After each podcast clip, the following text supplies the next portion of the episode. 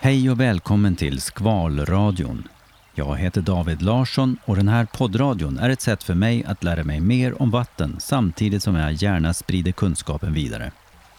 I det här programmet ska det handla om en å i Gästrikland, Testeboån, som nyligen blev utsedd till vildlaxälv.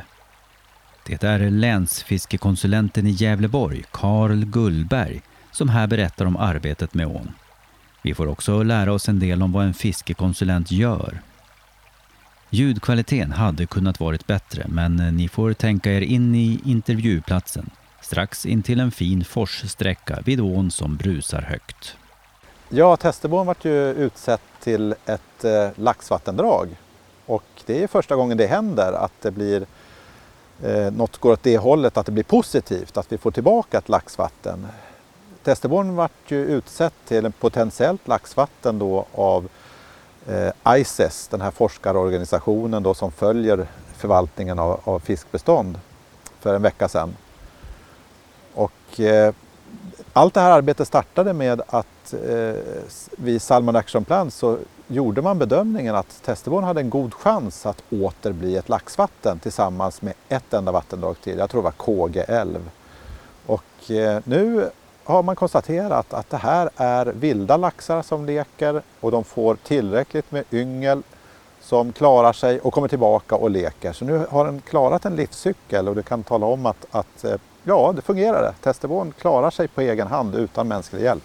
Jag misstänker att det ligger en hel del arbete bakom det här. Ja, det var ju en enorm felsökning när det här Salmon Action Plan, alltså den här nationella eh, Eh, satsningen på att få tillbaka laxen i, svenska älvar, drog igång. Och man hade internationellt samarbete längs hela Östersjön för att återfå laxälvar.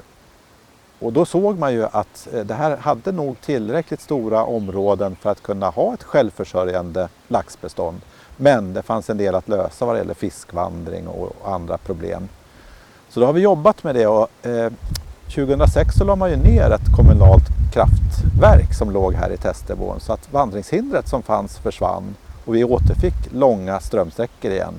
Så det var ju ett otroligt lyft. Och nu har vi via återutsättning då av yngel eh, fått ett självreproducerande laxbestånd igen.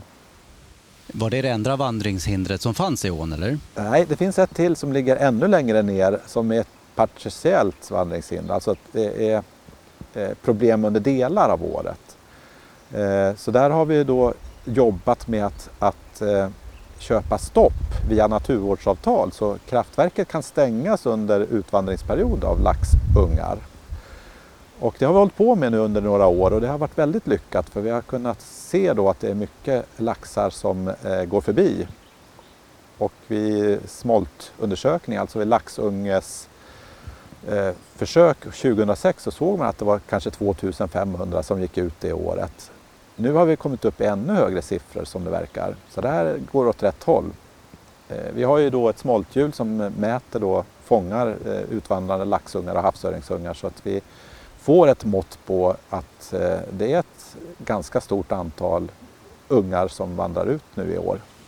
Du finns på Länsstyrelsen. Vilka är det mer som har varit inblandade i, i det här arbetet?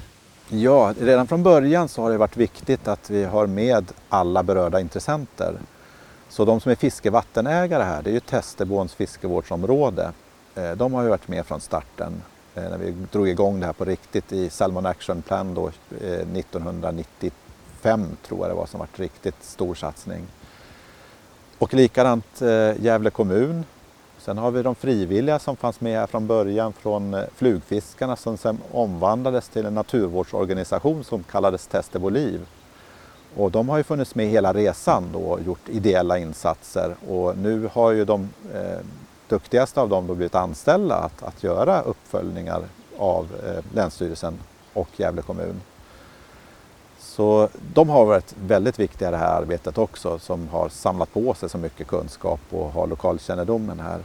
Sen har vi då anställt några nya nu som eh, går under eh, det här året under Länsstyrelsens eh, flagg då och, gör mätningar, gör då satsningar på att få veta lite mer om felsökningen, var, det fortfarande finns problem.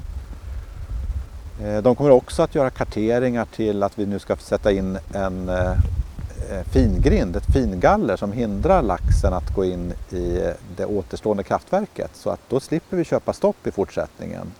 Utan eh, det här gallret kommer leda laxungarna och havsöringsungarna förbi kraftverket. Och det är alltså ett sånt här fingaller med kanske 15 eller 18 millimeter mellan tenarna så att säga som leder förbi dem och, och ut då i vildfåran. Så där ser vi fram emot för då kan ju utvandringsproblematiken vara helt löst för all framtid. Men nu när det, det, har fått den här statusen då, kan ni slappna av nu eller fortsätter arbetet som tidigare eller vad kommer att hända?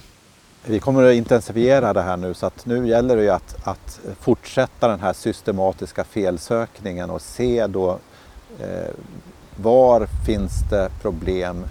Är det så att eh, vi har någonting som återstår. Något som vi kan vara oroliga för det är till exempel den här sista delen av ån där den blir ett delta innan den går ut i havet. Där är det avstängt av en järnvägsbank och innanför den finns naturligtvis väldigt mycket gädda och dessutom landar det stora mängder skarv där, flera hundra skarvar emellanåt. Så att eh, eh där vill vi ju då försöka få till en eh, eh vetenskaplig utvärdering via maganalyser på skarven hur stort eh, svinn av de här unga laxungarna från det nya laxbeståndet som försvinner genom att skarven äter upp dem. Så det här är ju någonting viktigt att få igång då en riktig utvärdering av eh, den frågan. Och sen tittar vi vidare steg för steg. Finns det tillräckliga lekytor? Finns det områden som behöver förbättras vad det gäller lekgrus eller att få dit ännu mer sten eller öppna fåror? Sånt. Så att eh, arbetet kommer att intensifieras nu när det har fått den här statusen det här med vildlaxälv då, men jag misstänker att det gynnar andra fiskarter också? Ja, vi har ju konstaterat att här finns ju förutsättningar för ett stor mängd andra fiskarter. Vi har ju sik som är ett litet bestånd här som är väldigt storväxt och går upp i Tästerborn och leker. Sen är det ju ett av landets bästa vatten vad det gäller vimma, så de här specimenmetarna från hela Sverige kommer ju hit för att fiska vimma nu under eh, en period under våren. Eh, vi har flodnejonöga, det finns eh, mängder av eh, fiskarter. Jag tror vi är uppe i 25 eller 26 olika som finns i den här nedre delen av Tästerborn. Harrbestånd är välkänt från Tästerborn också. Så det är kul, det är, många som har tjänat på det här. Det är gott om strömstare och vi ser utter på ett helt annat sätt än för 5-10 år sedan. Kan du beskriva Testeboån? Ja, Testebån eh, mynnar ju uppe i Ockelbo kommun, eh, kanske 10-15 mil härifrån, där eh, det finns ordentligt fina öringsträckor i de övre delarna. Eh, det finns en hel del dammar och sånt där också efter flottningen, men eh, där, dit upp har nog aldrig laxen nått, utan det är först de här nedre delarna från Lundbosjön som ligger, eh, kan det vara 8-10 kilometer härifrån och neråt då som det har varit gott om lax tidigare. Eh, så den nedre delen från Oslättfors och ner till havet, där har det funnits ett eh, väldigt fint laxbestånd tidigare. Och det försvann då efter att man då byggde ut kraftverk. Man fick problem då med att man gjorde flottledsrensningar. Ehm, och sen så skar man av helt och hållet möjligheten att vandra upp för laxen då för ungefär vid 50-60-talet. Vid 70-talet så försvann de sista laxarna som, som man har kunnat konstatera. Sen gjorde man återintroduktion, då, en satsning tillsammans med Laxforskningsinstitutet och Fiskeriverket eh, som drog igång då på 80-talet. Eh, men det var mycket på ideellt arbete och det gick långsamt framåt. Det fick aldrig liksom fart, det där projektet. Och därför var det ju bra att, att man gjorde den här ordentliga satsningen i Salmon Action Plan då, där Fiskeriverket och Länsstyrelsen och kommunen gick in i det hela på ett helt annat sätt än tidigare. Och man eh, tillsatte en utredare som gjorde att det här gjordes en systematisk utvärdering av alla problem. Och sen löste man problem efter problem och där var nedläggningen av det kommunala kraftverket ett av de viktigaste stegen eftersom det var Eh, ett vandringshinder som var totalt och, och det är på halva sträckan då uppemot eh, Oslättfors. Så det var ju ett väldigt lyft när man hade kraftverket då 2006 och gjorde en total eh, restaurering Så att det är jättefina strömsträckor den här delen idag nu då. Omgärdas den av skogsmark mm, helt och hållet eller? Eh, det är lite blandat eh, miljö runt eh, Testebån och det är väldigt fina områden. Så uppe vid Oslättfors så har vi ett område som eh, det är mer eller mindre en gammal engelsk park som, där vi har ekar, alltså norr om Dalälven och det är ganska ovanligt. Och det är väldigt varierad miljö så vi har ju både säfsa och en, en hel del av de här ormbunkarna och sånt som är karaktäristiska för eh, den här typen av eh, vattendrag och, och, miljön runt omkring då med, med skog. Så vi har både eh, stora delar med lövskog, en del områden med öppen ängsmark. Eh, men sen är det ju dominerat av skog. Och kommer du längre upp då eh, uppströms Oslättfors då blir det ju ännu mer dominerat av, av barrskog. Det låter som att det finns goda förutsättningar för en eh, biologisk mångfald runt den här testbån. Verkligen, det här är ju stora områden som har utsetts till naturreservat och Natura 2000-områden just för de höga naturvärdena. Och där har ju alltid funnits med i spelet att man vill få tillbaka ett självreproducerande laxbestånd. Och då är det ju jättekul att vi har nått dit, så nu har ju forskarna bedömt det som att det här är ett naturvatten med, med lax. Ett riktigt laxvattendrag. Hur sker fisket i ån idag? I vilken omfattning?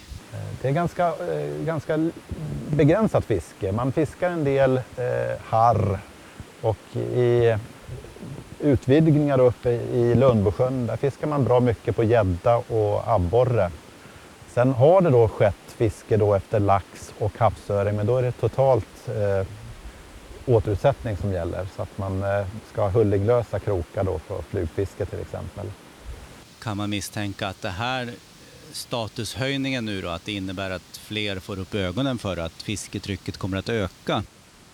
Nej, jag tror att, att det har skett en stor förändring där och det har ju varit den här upplysningen att man hela tiden varit bra på att informera. Redan från flugfiskarnas tid och när de omvandlades till den här naturvårdsorganisationen Testeboliv så hade man ju drivkraften att det här ska ju vara en naturvårdssatsning och inte en sportfiskesatsning i första hand. Och Testebåns fiskevårdsområde har ju hela tiden varit med på att det här är ju viktigt att vi jobbar som ett naturvårdsprojekt och ser till att vi jobbar för alla fiskarternas bästa när vi försöker återställa strömsträckor och ta bort vandringshinder eh, och allt det övriga. Och man har informerat också om när man sett kungsfiskare, eh, att uttern har dykt upp igen och sånt där så har man gått ut med det också så att vi har haft en väldigt bred naturvårdstouch på det här i hela projektet. Runt Östersjön då så finns det ju ursprungligen mellan 80 och 100 eh, där det har varit vildlax, älvar. Idag var det runt 25-30 stycken. Ja. Har du koll på hur det ser ut med de här potentiella, fler potentiella vildlaxälvar runt Östersjön? Ja, vi har ju en till då i Sverige, KGL, som är på gång då att, att nå till att bli ett vildlaxvatten igen. Eh, men de har ju hållit på då med eh, stödutsättningar av lax under en längre period, så då kan man ju inte säga att det är ett självreproducerande bestånd. Eh, Medan i Testebån där slutar vi med yngelutsättningar redan 2005-2006. Så nu har ju laxen fått klara sig själv sedan dess. Så det är ju då 8-9 år då som det bara har varit naturlig reproduktion i testnivån. Vi har ju ett samarbetsprojekt och har sökt pengar där Helcom, alltså Helsingforskommissionen, ett överstatligt naturvårdsorgan, eh, naturvårdsorganisation, eh, har sökt som huvudsökande där Testebon gav lån och sen Kymenjoki i Finland är med. Så där eh, jobbar vi tillsammans med dem då i ett projekt som förhoppningsvis får EU Life-pengar nu i vår eller sommar. Och vad ska ni göra då? Då eh, kommer vi finslipa det här med att få fiskvandringsmöjligheten att fungera och att göra en del återställningar precis kring de här sista strömsträckorna nära havet. Vi kommer också kunna få råd att göra bättre uppföljning, att sätta dit fiskräknare och ha, ha kamera som följer då, eh, fiskarna så att vi inte måste fånga dem i en eh, fälla då de uppstigande laxarna och havsöringarna på hösten utan kan låta dem gå förbi utan att man hanterar dem. Så kommer det projektet att få medel då, då finns det väldigt mycket mer vad det gäller effektuppföljning och att finslipa de sista problemen, att, att lösa dem då i nedre Testerborn som kommer att genomföras. Sen är det här gallret då som vi ska göra, ett, ett eh, fingaller med 15 till 18 millimeter mellan tenarna då som eh, hindrar all fisk som vandrar ner längs testnivån att gå in i eh, kraftverkskanalen. Utan den leds förbi i en vildfåra. Så det ligger som en del i det här stora projektet också. Och får vi de pengarna så kommer vi kunna genomföra det på ett bättre sätt, ha mer medel att satsa för att lösa det här problemet. Finns det fler eh, liknande åar inom ditt område, inom Gävleborgs län? Vi har ju satsningar också uppe i Hälsingland och det har ju gjorts kommunala fiskeplaner både i Söderhamns och Hudiksvalls kommuner som har varit fruktansvärt framgångsrika där man då har eh, jobbat med att få fiskvandring tillbaka i kustmynnade vattendrag till exempel. Så det är ju många åar som har på gång då att få eh, självförsörjande havsöringsbestånd som man inte haft på länge. Och det är ju jättekul. Men vad det gäller laxen just så är det här eh, ett unikt projekt. Vi har ju viss spontan vildlaxförekomst upp i till exempel Harmångersån vissa år eh, som ligger mellan Hudiksvall och Sundsvall. Eh, och Gnarpsån har det någon enstaka gång gått upp lax också. Men i övrigt är det havsöring som gäller och det, det är ju bra nog det. Eh, men eh, laxen, det är Testerborn unik. Ungefär där vi sitter, det var ju här det var ett kraftverk då. Kan du berätta lite om eh, de som bor runt omkring här, vad de hade för reaktioner före och efter den här utrivningen av kraftverket? Ja, vi hade ju eh, en följd möten. Det var ju riktigt stort förankringsarbete där man försökte få kommunen att anta ett naturvårdsprogram där man skulle satsa ännu mer på testnivån. Och I det så såg vi ju ganska snart via de här felsökningarna att det var viktigt att få bort det här eh, vandringshinder som var vid Forsby kraftverk. Och då hade vi möten med lokalbefolkningen, de som bor här runt omkring. Och alla var ju väldigt skeptiska. Det skulle förstöra möjligheten att få vatten i brunnarna och det skulle eh, på alla möjliga sätt åt, eh, ge problem. Men så nu i efterhand när vi stött på folk som, som bor här ute vid, vid ån så har alla jag har pratat med tyckt att det här blev väldigt bra. Så de tycker att, att det blev en bro istället för att man åkte över på kraftverksdammen. Och det gjorde att det var eh, en bra förbindelse mellan de olika delarna av Forsby by. Då. Eh, vi fick tillbaka då en fin naturmiljö där det egentligen bara var lite industrimark tidigare. Och dessutom den här unika möjligheten att få tillbaka vildlaxen. Så att, eh, jag, jag, känner att det här har blivit en svängning och att, att eh, 100 procent av de som jag har mött har varit positiva nu när det väl har skett. Man kan se vissa delar att det finns en gammal kraftverkskanal men resten har ju naturen tagit tillbaka till stor del. Så att det här är ju då en, en eh, lokal där det finns tätt med havsöringsungar och laxungar om man bara tittar lite grann, böjer sig ner och kikar ner i, mellan stenarna. Det finns väl många som är oroliga när det pratas om att riva ut dammar och så vidare i närheten av där de bor.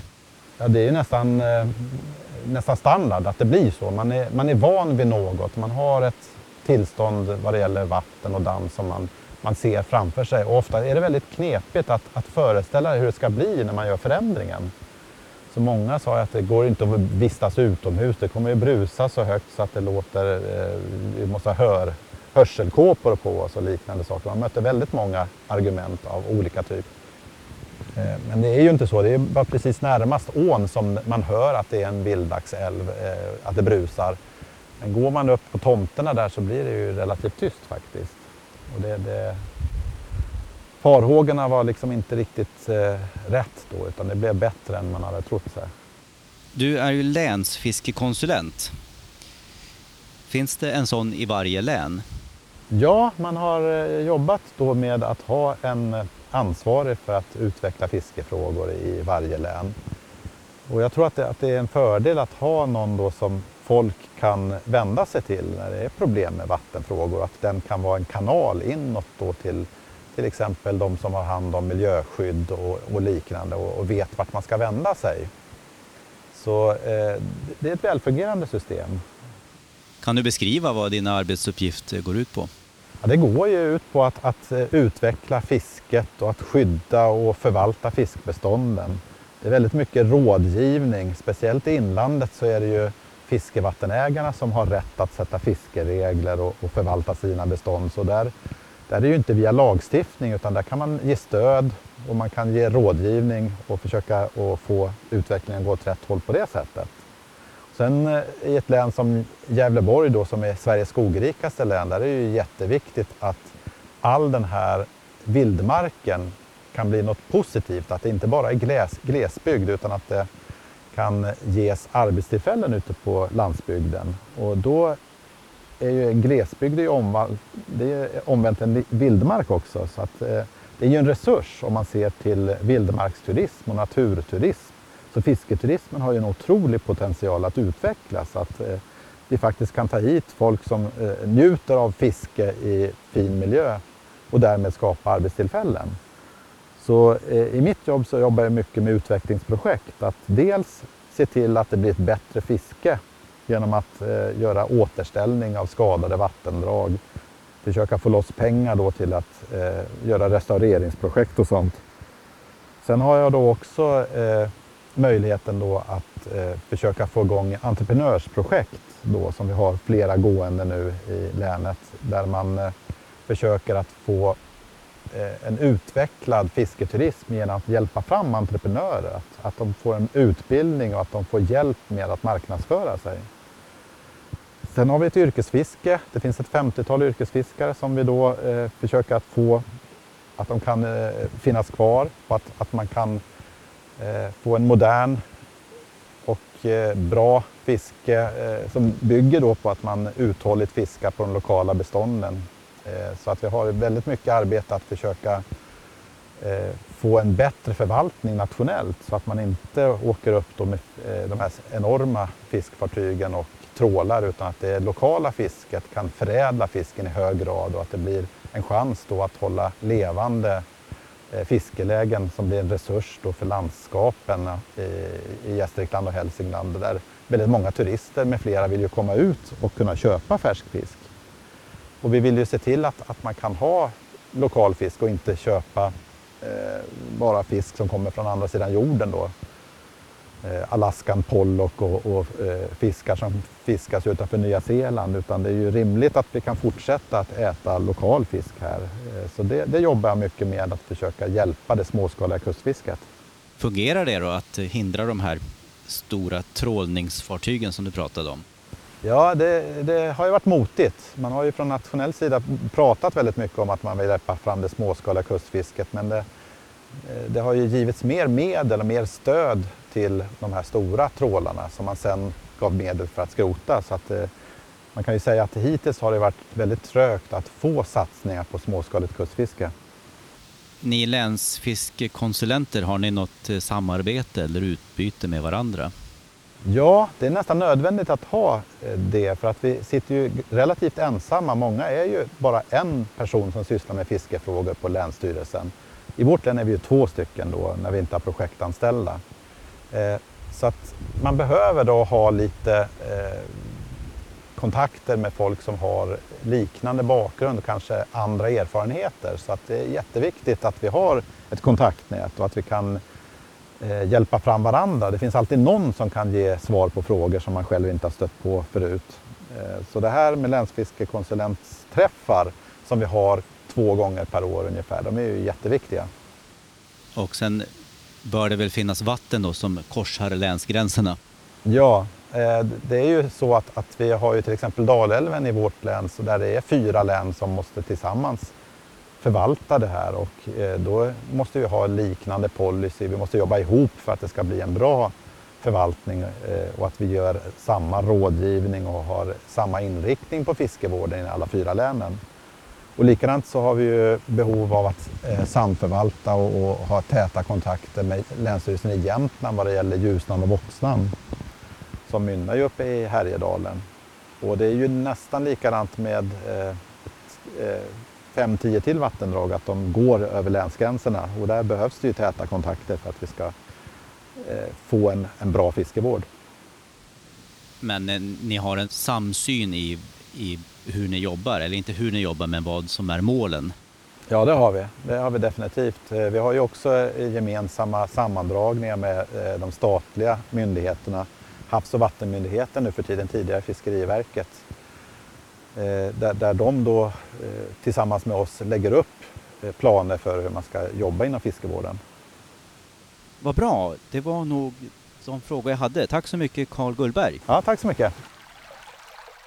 Det var Skvalradion program nummer tre. Om ni vill veta när nästa program dyker upp, följ Skvalradion på Facebook eller Twitter. Tack för att ni lyssnade.